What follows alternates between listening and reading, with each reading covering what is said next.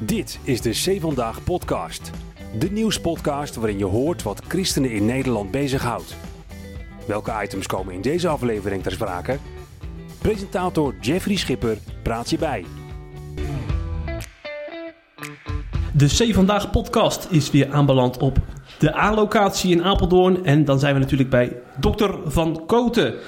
Met hem gaan wij weer eens bijpraten. Dat doen we over het welvaartsevangelie, over het mini-symposium over uh, transgenderisme.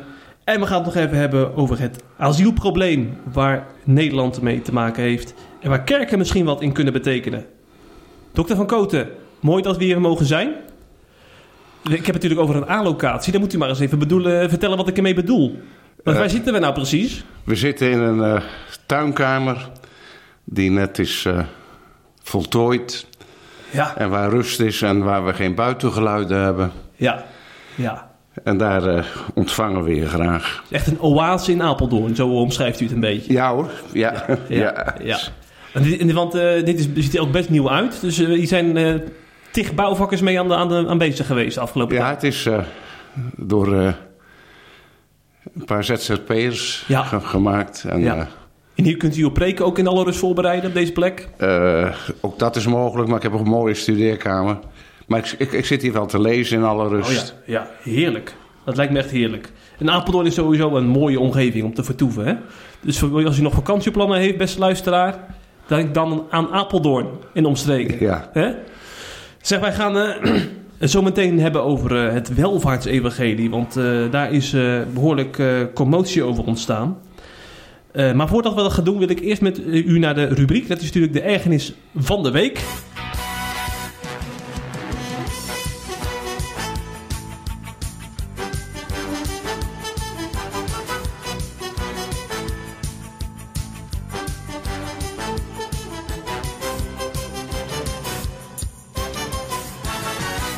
Ergernis, ja, ach, eh, het is vooral zorg over de ontwikkelingen.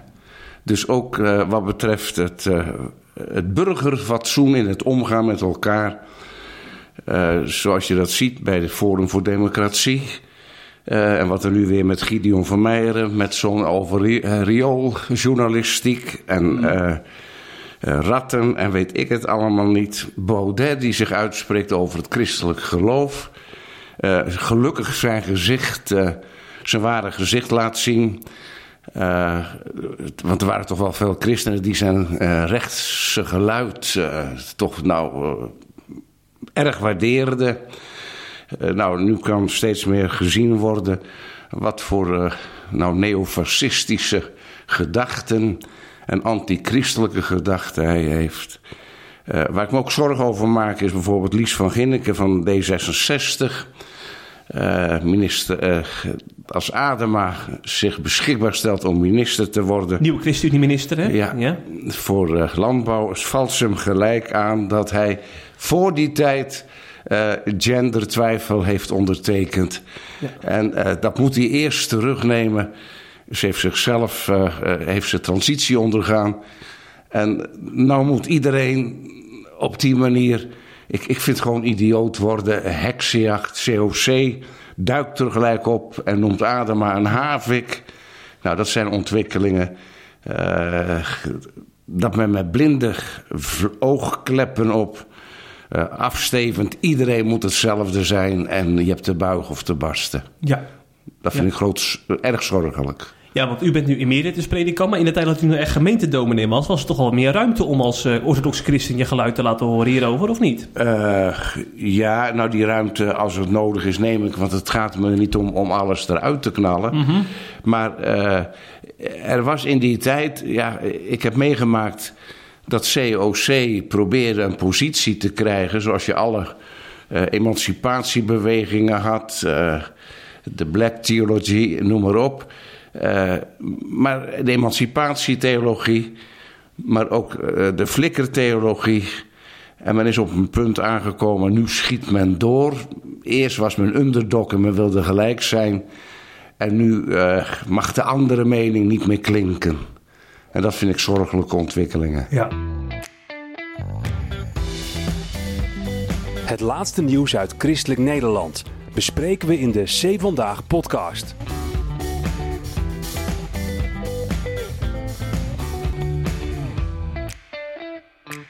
We gaan naar het hoofdnieuws van de week. Dat is natuurlijk uh, commotie rondom het welvaartsevangelie. We hadden afgelopen vrijdag bij C Vandaag een artikel van onze freelance journalist uh, Hendrina de Graaf. Zij heeft zich verdiept in de snelgroeiende stichting Frontrunners Ministries. Dat is een stichting die zich bevindt in de evangelisch-charismatische wereld. Waarin veel nadruk wordt gelegd op dat God je mag en zal genezen als je ziek bent. Uh, maar niet alleen dat, ze leggen ook veel nadruk op het geven van je tiende. Hè? Dat is een bijbelse opdracht volgens hen. Dat je 10% van je inkomen afstaat aan bijvoorbeeld hun werk. Zodat God je ook kan zegenen. Uh, en ja, dat komt toch neer op het welvaartsevangelie. Hoe meer je geeft, hoe meer God je kan zegenen. Dat wordt allemaal gepromoot door frontrunners. En dat is blootgelegd in het artikel van Hendrina de Graaf. Wat ik daar ook nog opvallend vond, is dat ze dan tegenkwam dat Tom de Wal, dus de voorman van deze stichtingen, dat hij zowel penningmeester als bestuursvoorzitter als uh, secretaris is. Dus hij controleert zichzelf als het ware uh, in deze stichting. Dus ja, er zijn gewoon heel veel dingen niet in de haak. En uh, uh, ik dacht, ik ga dus, u bent natuurlijk theologisch onderlegd. Dan ga ik u met u eens wat uitspraken van Tom de Wal voorleggen. Trouw, trouwens, vond, vond u het ook schokkend, voordat we daarop ingaan, wat, wat u allemaal las over? Nou, schokkend. We weten in Amerika dat er allerlei, allerlei dominees zijn die er zijn om zichzelf te verrijken. Ja. ik vind het ook weer een bewijs, een bewijs ik vind op zichzelf. Men ziet dat tegenwoordig niet meer. Als iemand een bepaald idee heeft of een bepaalde uh, drive, dan gaat hij een gemeente beginnen, want die is er nog niet. Mm-hmm. Dat is puur onbijbels. Als je zelfstandig een gemeente begint? Christus heeft zijn discipelen als apostelen uitgezonden om het evangelie te preken. En volg maar de gang van Paulus. Paulus verkeert in de omgeving van Tarsen en wacht. Hij wordt geroepen dan door Barnabas door de gemeente van Antiochië. Uh, daar arbeidt hij en dan komt de Heilige Geest en die zegt tegen sommige mannen dat ze Paulus en Barnabas moeten afzonderen voor het zendingswerk. Dan worden ze bevestigd met, uit, met oplegging van de handen door de gemeente uitgezonden. Daar moeten ze ook elke keer terugkeren om verantwoording af te leggen. Paulus gaat allereerst naar de synagoge. Uh, om daar waar God werkzaam is, te beginnen met het evangelie. Uh, het, het, het, is geen straatprediker of wat dan ook. Uh, en telkens, dat is de officiële gang. In Amerika heb je die Foreign Baptist, die zenden uh, voor uh, church planting mm-hmm. mannen uit die onder gezag blijven van die gemeente, verantwoording hebben af te leggen en daar ook onder de tucht staan. Uh, financieel zichzelf niet kunnen verrijken. Kijk. Nou, die kerkelijke structuren. En tegenwoordig begint iedereen maar hip, hop. En eerst slaat het aan. Ja. En je ziet het langzamerhand wegzakken. Hmm. Terwijl de kerken. Het gaat erom dat je officieel ook opgenomen wordt in de apostolische bediening, in, die, in, in de voortgang door de eeuwen heen. Uh, de kerken kennen dieptepunten enzovoort. Maar het is voor mij als dominee niet mogelijk. Ik heb collecten van harte aanbevolen. Ik vind een krankzinnige uitspraak. Als, als Tom de Wal het heeft over een demonische geest als het gaat om financiën. Uit angst om uitgemaakt te worden voor het welvaartsevangelie wordt er nauwelijks meer opgeroepen om geld te geven voor het evangelie. Dat is klinkklare onzin. Dat zegt Tom de Wal inderdaad. Ja. Waarom is dat onzin? Omdat ik van harte uh, collecten aanbeveel. Alleen wat een groot verschil is tussen Tom van der Wal en mij de aanbeveling raakt niet mijn eigen portemonnee. Mm-hmm. Want dat geld dat binnenkomt, gaat niet via mij. Ja. Dat gaat via de diaconie of de kerkvoogdij, die er verder zorg voor dragen. En die zijn vanuit de kerkorde gebonden aan regels van integriteit en dergelijke. Mm-hmm. Dus hij gaat de kerken eh, op, een, op, een, op, een, op een dwaze manier demoniseren. Ja. Ja. En het demonische, want ik vind, ik vind heel zijn bediening veel lijken op uh, uh, Simon. Simon de tovenaar? De tovenaar. Nou, voor, voor wie je niet kent, wie is hij ook alweer? Kom met handelingen, Bijbelboek. ja, hij, hij, eh, hij had erg veel invloed in Samaria. En eh, daar komt Filippus, de evangelist. De mensen komen tot geloof en bekering. En er gebeuren wonderen en tekenen. En eh, dan wil Simon eh, dat kopen voor geld. Om zo zelf ook achting te verwerven en dergelijke. Ik heb een paar, eh, ik heb een paar eh, toespraken van Tom eh, de Wal beluisterd.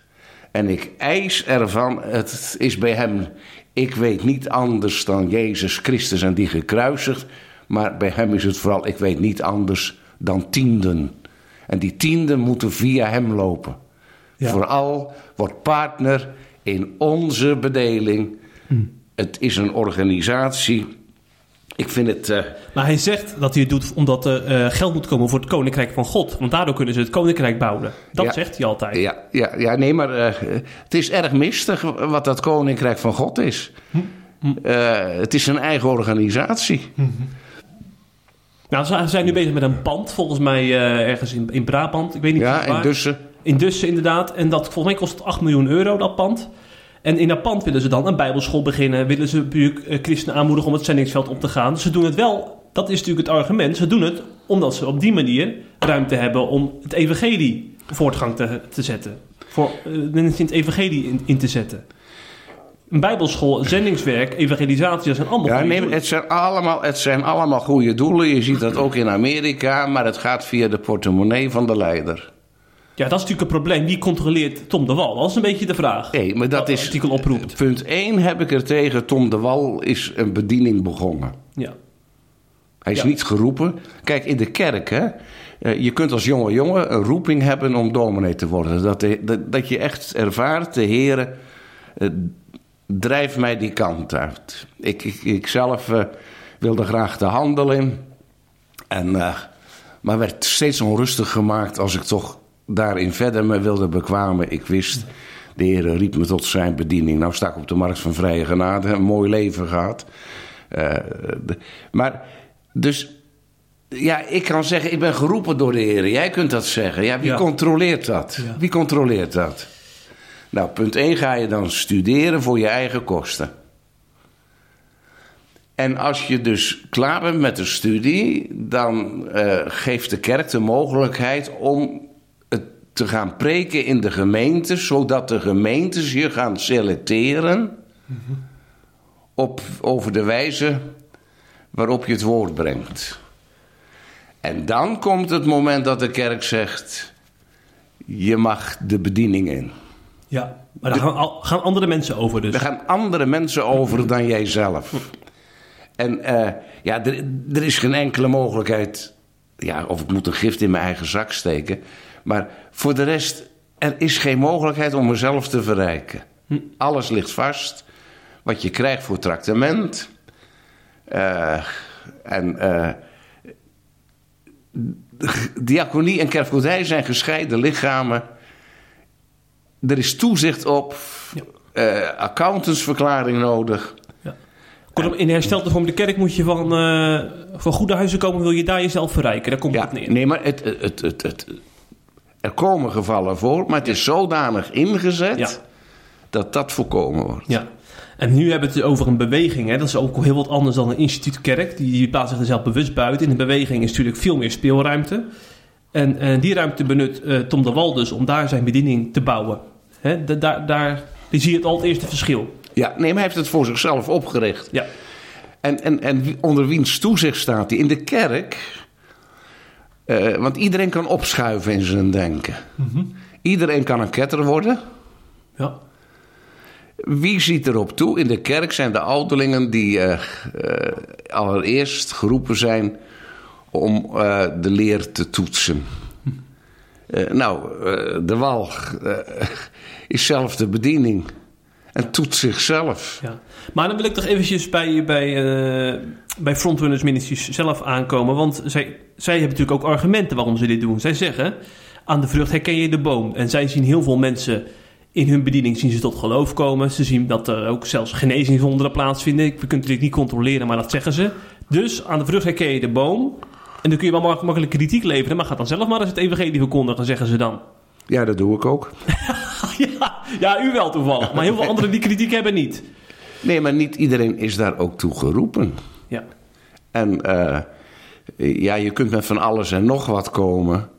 Eh, maar dat het, het, het, het is allemaal in dat kader gezegd Maar ze- van die tienden. Maar zij zeggen, wij dragen wel vrucht. Wij zien, is, dit is ook gewoon een grote beweging. En er zijn echt honderden mensen bij betrokken. Als zij een conferentie organiseren, zit de zaal vol.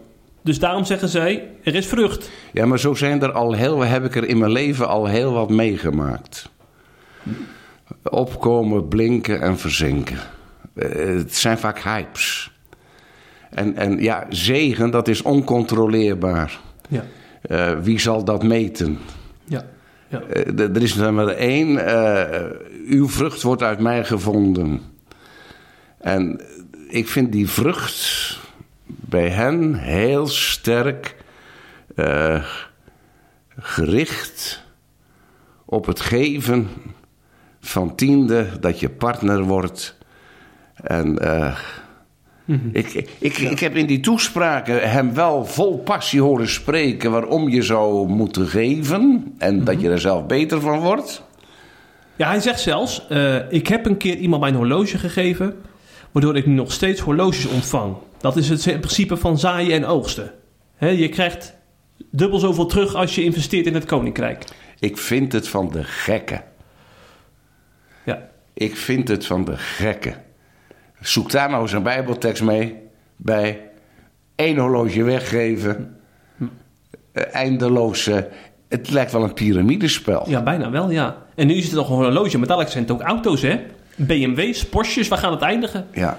Nee, maar het is. Het is eh, Ja, eh, ik vind eh, het ook godslasterlijk. oké.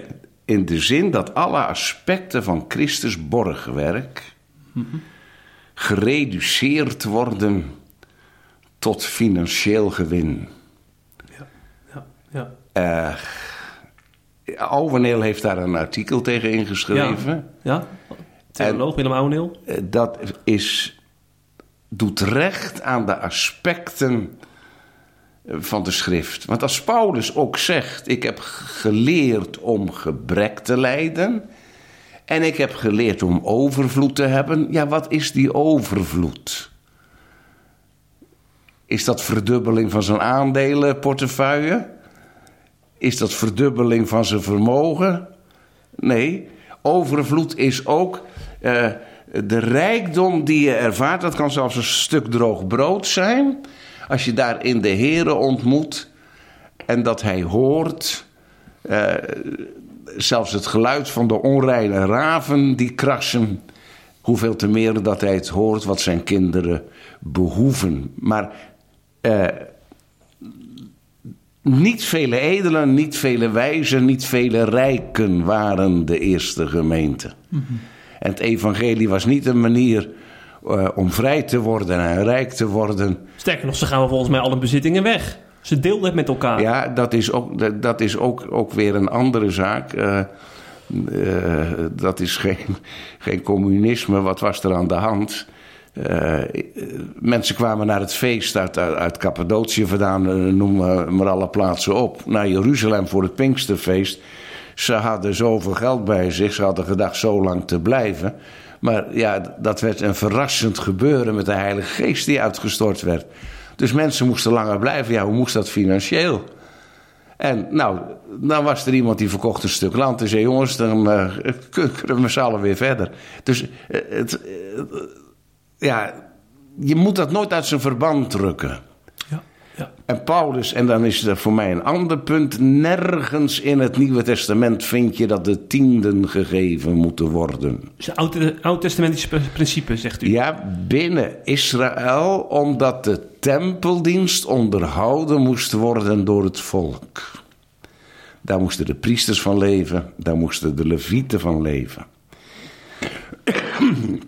En ik vind heel frappant, dat wil ik dan ook wel eens een keer kwijt, dat veel evangelischen die niets van de wet moeten hebben, Ja.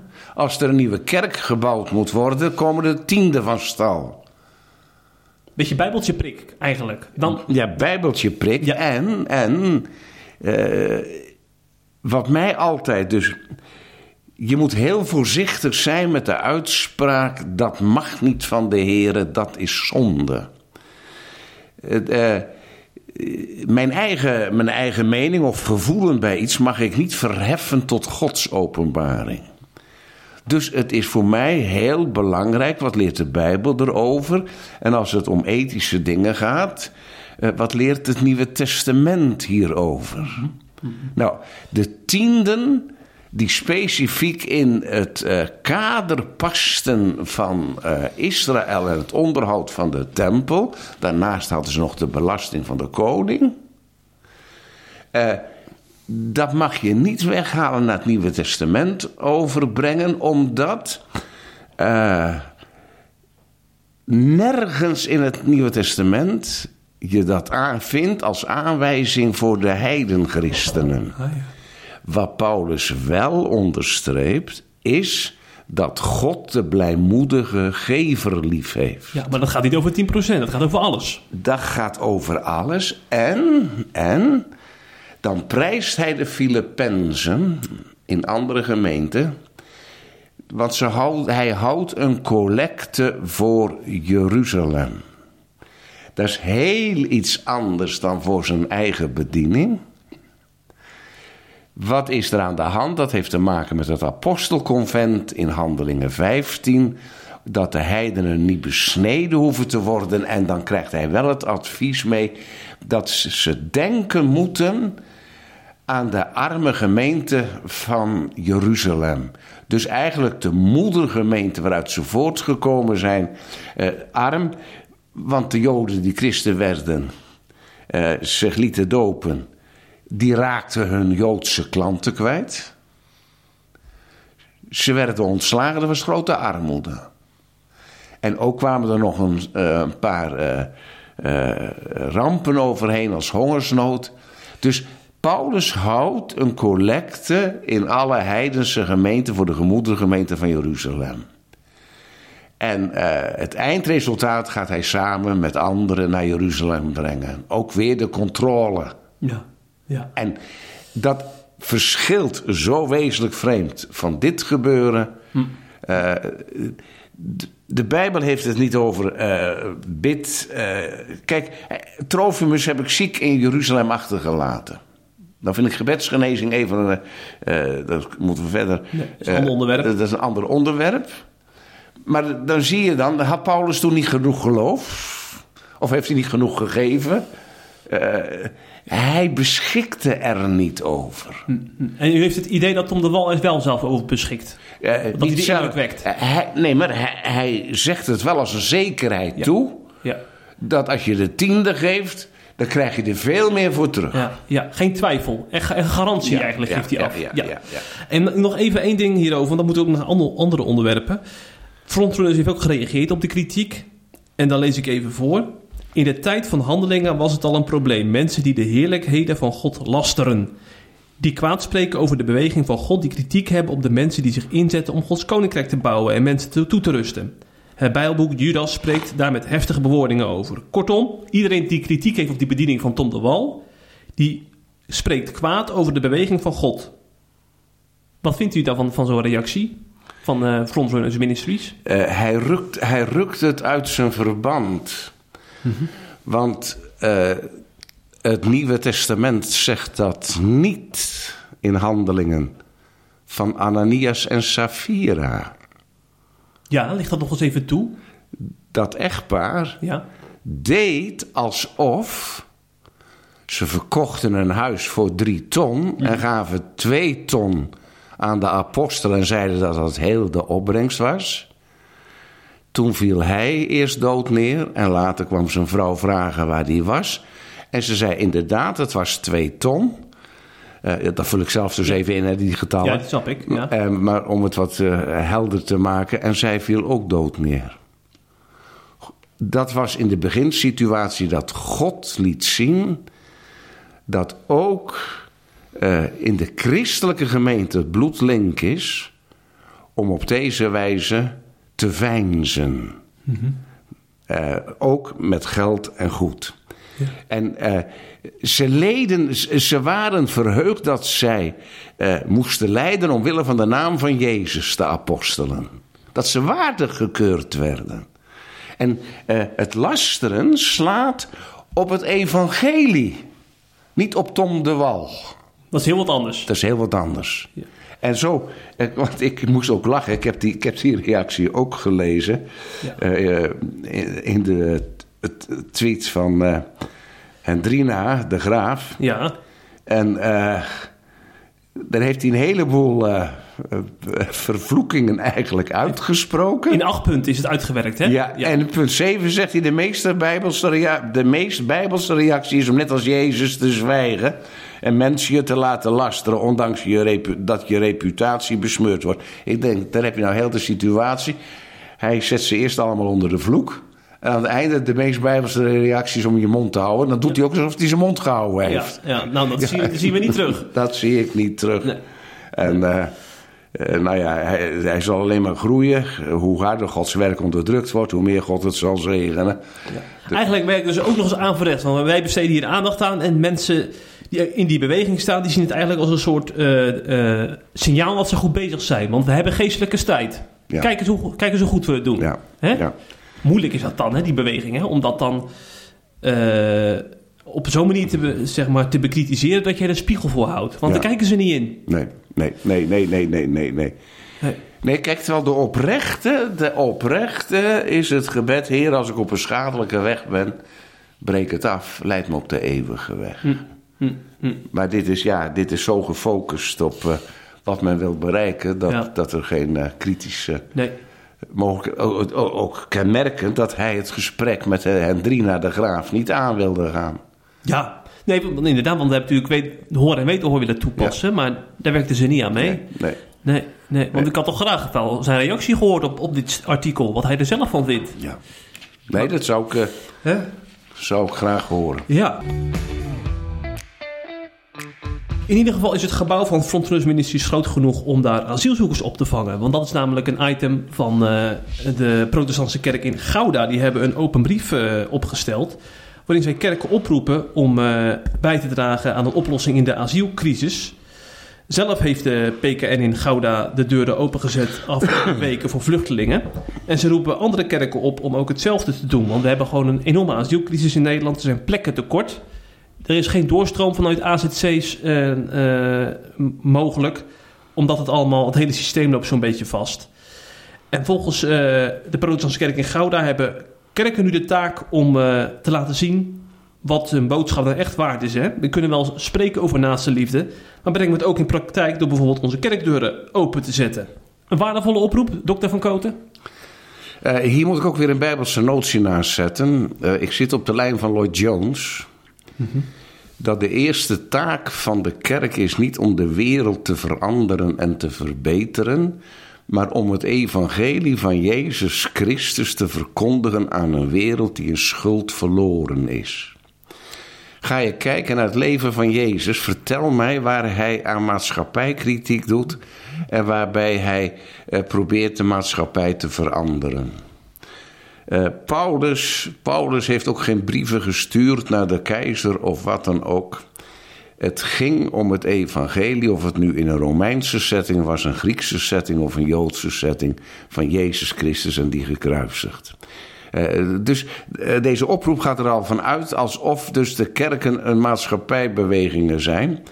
Eh, kijk, we hebben de, we hebben de diaconie, die er allereerst is voor de zorgen van de broeders van het geloof. En als er mogelijkheden zijn, ook verder te ondersteunen. En dat gebeurt ook eh, met tsunamis, eh, met Oekraïne en, en, en, en ga maar door. Eh, maar wat ik een machtig voorbeeld vind, dat is de Christelijke Kerk in Kerkwerven met Oekraïners. Wat Ja. heb- hebben ze gedaan? Ze hebben vier eh staakervens gekocht. Bij verschillende eh, agrarische gemeenteleden daarin gestald. En rondom die mensen hebben ze een kring van vier buddies. die mee gaan boodschappen doen enzovoort. Nou, dat is praktijk, eh, christendom in praktijk. Eh, deze oproep om de kerk desnoods alle banken eruit te halen. Ja, dat zeggen ze letterlijk, hè? Ja, misschien hebben zij kerken waar geen mensen meer komen. Hm. Maar als je zondags die kerk nodig hebt om als gemeente samen te komen, hoe wil je dat doen? Maar om even terug te komen op het onderwerp. eh, u zegt dus, eh, eh, kijk als kerk, neem dat voorbeeld van Kerkwerven, kijk wat er eh, kan. Bijvoorbeeld op, op plekken van gemeenteleden die heel veel ruimte hebben in de tuin, ik, ik Ja. noem maar wat. Nou, de- maar maar zet de kerk niet open. Op realistische wijze. Nee, die kerk is voor de eredienst. Ja, ja precies. Ja. Nee, dat, is, dat punt is helder. Maar ik vraag me dan toch af, hè, als ik nou naar veel protestantse kerken kijk, wat doet men door de weeks met al die gebouwen die toch eh, ook wel leeg staan, die vooral eh, eh, op, op, eh, door de weekse avonden en op zondag worden gebruikt? Dan denk ik, je kan die ruimte ook benutten. Ja, maar het lijkt me erg lastig om daar veldbedden neer te zetten en douches Ja. te maken. Nee, dat is ingewikkeld. En dat s'avonds Ja. weer omgekleed. Maar wat dacht u van ta- taalles geven bijvoorbeeld? Ik noem maar wat. Of activiteiten. Gewoon Wat? Taalles geven door de weeks. Nee, nee, maar dat, dat, dat, dat, van harte. Ja, Van harte. dat Maar, was wat anders. maar, maar op, op een, een. Nee, maar als er een. eh, Zoek, er zijn, staan zoveel kantoren leeg. Als ik dat grote gebouw hier langs het spoor zie, bij, bij- vlak bij het station. eh, hier in Apeldoorn. Wat is het? eh, er is wijsheid bij de regering nodig en bij de kerken. Wat kunnen we voor hen betekenen? Voor hun welzijn hier op aarde en voor de Ja, toekomst. maar dit, deze oproep is dan, als ik u goed heb, een beetje doorgeschoten. Ja, hè? ja, dat is Ja, mijn probleem. Ja, ja, wel realistisch blijven, zegt u. Ja. Ja. Ehm, wij waren, volgens mij was het een paar weken geleden alweer, waren wij in Amerongen bij een mini-symposium eh, van Bijbelsberaad Man-Vrouw. Daar kwam ik u ook tegen met uw vrouw, hè, dominee. Ja. Eh, daar werd een boek gepresenteerd. Een transgender komt thuis van Laura Perry. Eh, zij was eerst was ze transgender en eh, later sprak Gods woord tot, tot, eh, tot haar. En is zij wie zij nu is. Hè. Zij is namelijk vrouw. En zij was vroeger dus eigenlijk eh, een omgebouwde meneer. Daar is hij van teruggekomen. En in dat kader was er een mini-symposium. Er waren ook eh, persoonlijke verhalen van andere mensen. Hè. Van, ik herinner mij bijvoorbeeld een, een, een dame die eh, vroeger altijd een jongen wilde zijn. Maar eh, later kwam ook, sprak ook God tot haar en eh, eh, nam zij haar rol als vrouw op zich hè, in haar huwelijk. En is inmiddels is ook gelukkig moeder van, een gelukkige moeder van vier kinderen. Dus ook, ook zo'n soort gelijk verhaal als Laura Perry. En daar, in dat kader stond dus die, dat symposium afgelopen... Nee, nee, twee weken geleden was dat, hè? Ja, tijd gaat zo snel. Ehm, een symposium om genderdysforie onder de aandacht te brengen. Op een volgens Bijbels beraad minder eenzijdige manier dan we vaak in, eh, op bij, bij de mainstream media zien. Hè? Waarbij we toch soort van worden gedwongen om eh, transgenderisme te accepteren. Waarom was u daar eigenlijk? Bij, die, bij dat symposium? U was daar niet voor niks, neem ik aan. Ik heb eh, in het verleden diverse boeken geschreven over ethische onderwerpen. Ja, over huwelijk, echtscheiding, eh, homofilie en homoseksualiteit. Transgender is van daarna. Daar, heb ik, eh, ja, daar wist ik niet goed wat ik erover denken moest. En dat boek van Laura Perry had ik al drie keer gelezen. En toen las ik van het symposium. Ja. En eh, nou, daar wilde ik graag bij eh, wonen. Om, ja, ik, ik heb toch. Laura Perry heeft mij erg geholpen.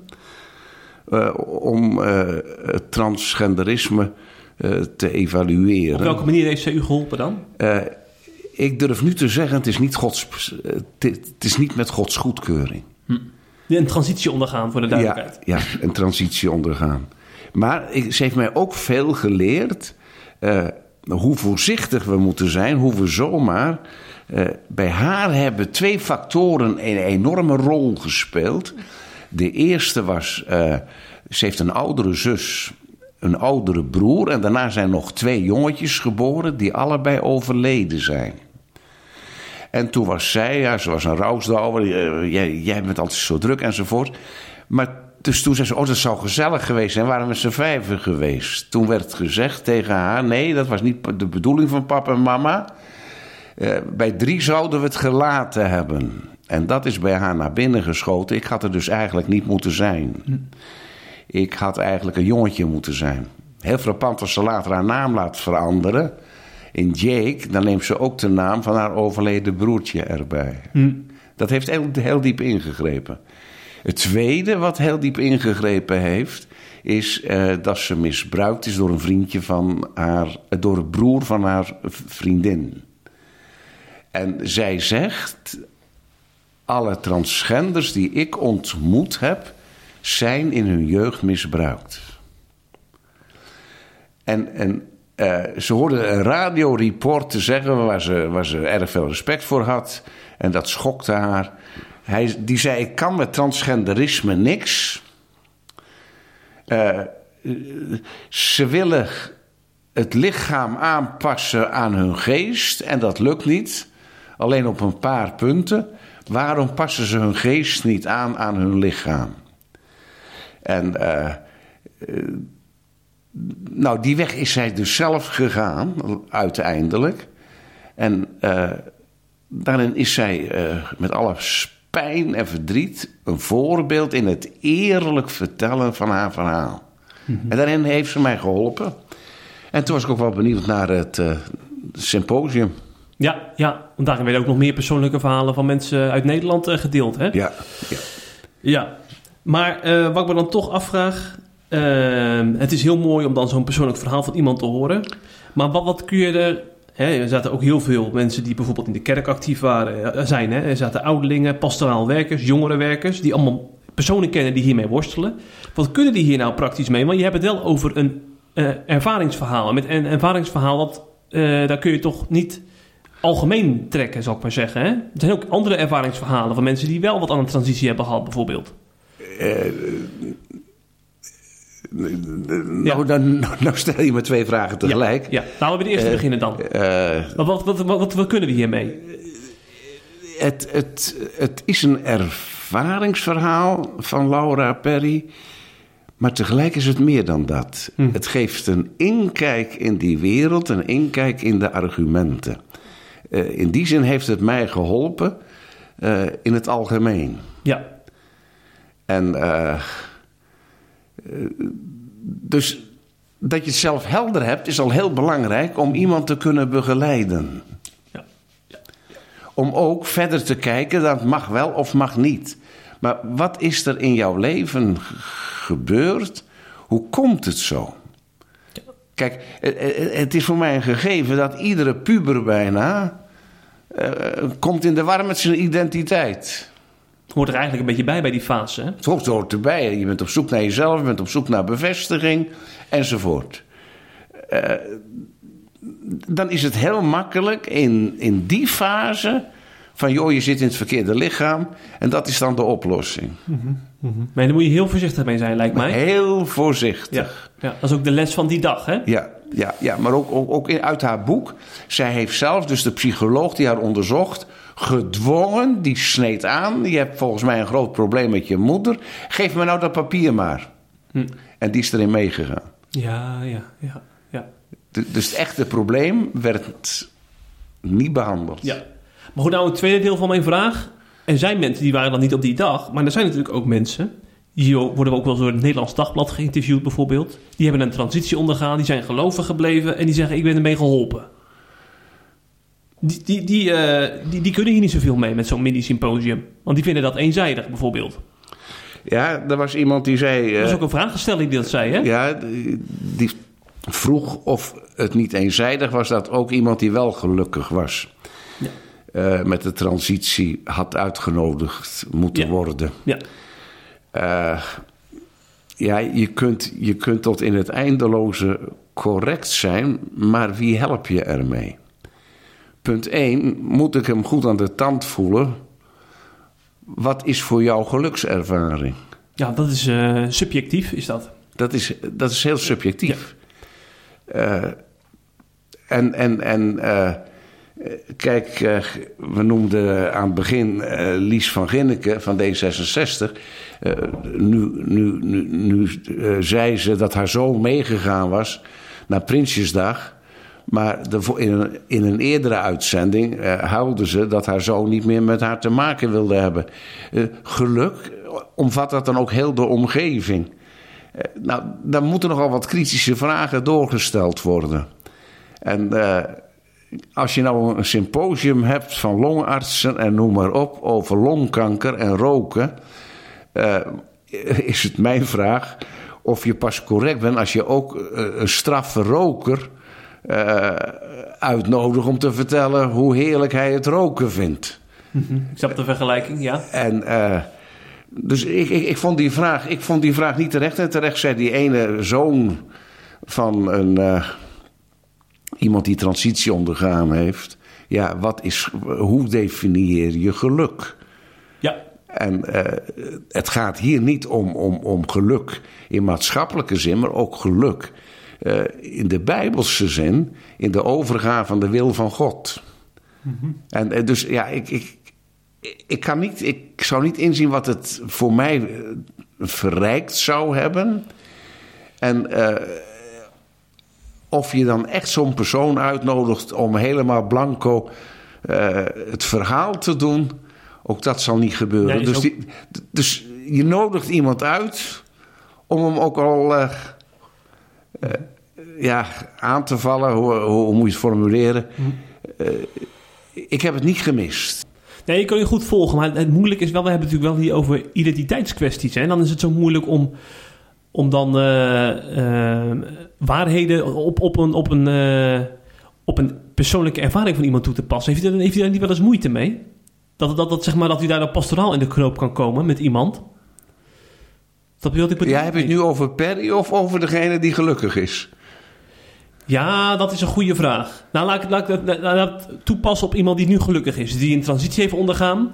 Die komt dan bij zo'n pastoraal gesprek. En die wil graag gehoord worden dan, vervolgens.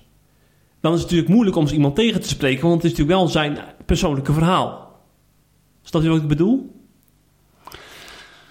Die zoekt ook naar een luisterend oor op zo'n moment. Ja, ik, ik, ik, vind het een, ik vind het even een, een, ja. een, een, een, uh, een, heel lastige vraag. Die had ik liever apart gehad. Nee, ik snap het, ik snap het. Die, ja. die had ik liever apart gehad. Uh, kijk, iemand... Ik kan luisteren. Dat geloof ik. Zo maar, ken ik u ook. Maar niet meegaan. Nee, nee. En, uh, en zo doe je recht aan die persoon om dat ook duidelijk te maken. Om dat ook duidelijk te maken. Ja, ja. Dat ik, ja, ik, maar dat is, dat is voor veel mensen is dat gewoon moeilijk, hè? Er zijn dominees die vreselijk aardig zijn door iedereen, om door iedereen aardig gevonden te worden. Ja. Maar ze hebben geen woord op mijn behoud gezegd. Mm -hmm. Dan zal ik, uh, als iemand dus... Uh, dan zal ik toch vragen stellen hoe dat zit en zich verhoudt uh, met het bijbelse gebeuren. En ja, het voert te ver om, om, nee, om, om, om, daar nu op in te gaan. Ja, ja. Maar als mensen hun persoonlijke ervaring in het gewicht gooien. Op allerlei manieren, of het nou echtscheiding is, of dat God ze geroepen heeft. Ja. Uh, iemand die rijk was, veel voor het koninkrijk deed, kreeg mensen op bezoek. Hij zei: Weet je wat mijn eerste vraag was? In mijn gedachten. Als het niet normale vrienden waren die bij hem kwamen, maar die speciaal wilden komen. Hoeveel zal die vragen? Is het 50.000 of 2 ton? Maar dan kwamen er eerst een heleboel mooie geestelijke verhalen overheen. Om daarmee je uit te schakelen. En uh, iedereen kan bij mij terecht. Maar die moet ook een eerlijke behandeling ja. willen. Precies. Vanuit het woord. Niet vanuit mijn mening. Maar vanuit het woord. En dat zal ik vragenderwijs dan voorleggen. Maar hoe zit dit?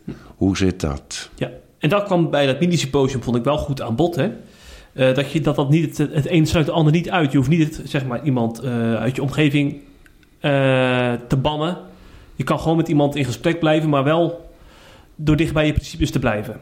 Hè? Ja, dat, dat, kwam goed aan ja maar als ik dus iemand begeleid.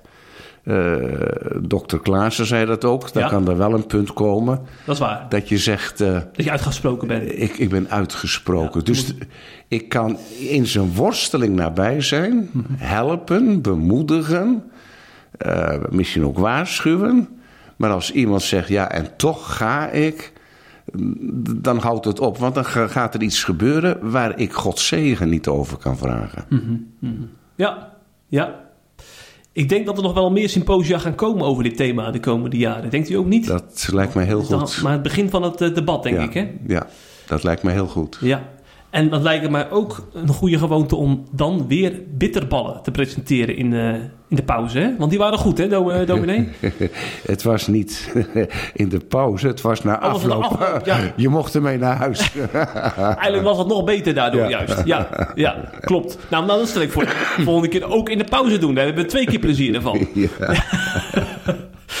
Ik wil u danken voor uw bijdrage, eh, dominee van Koten. En eh, wie weet komen we hier nog eens terug op deze mooie plek in Apeldoorn.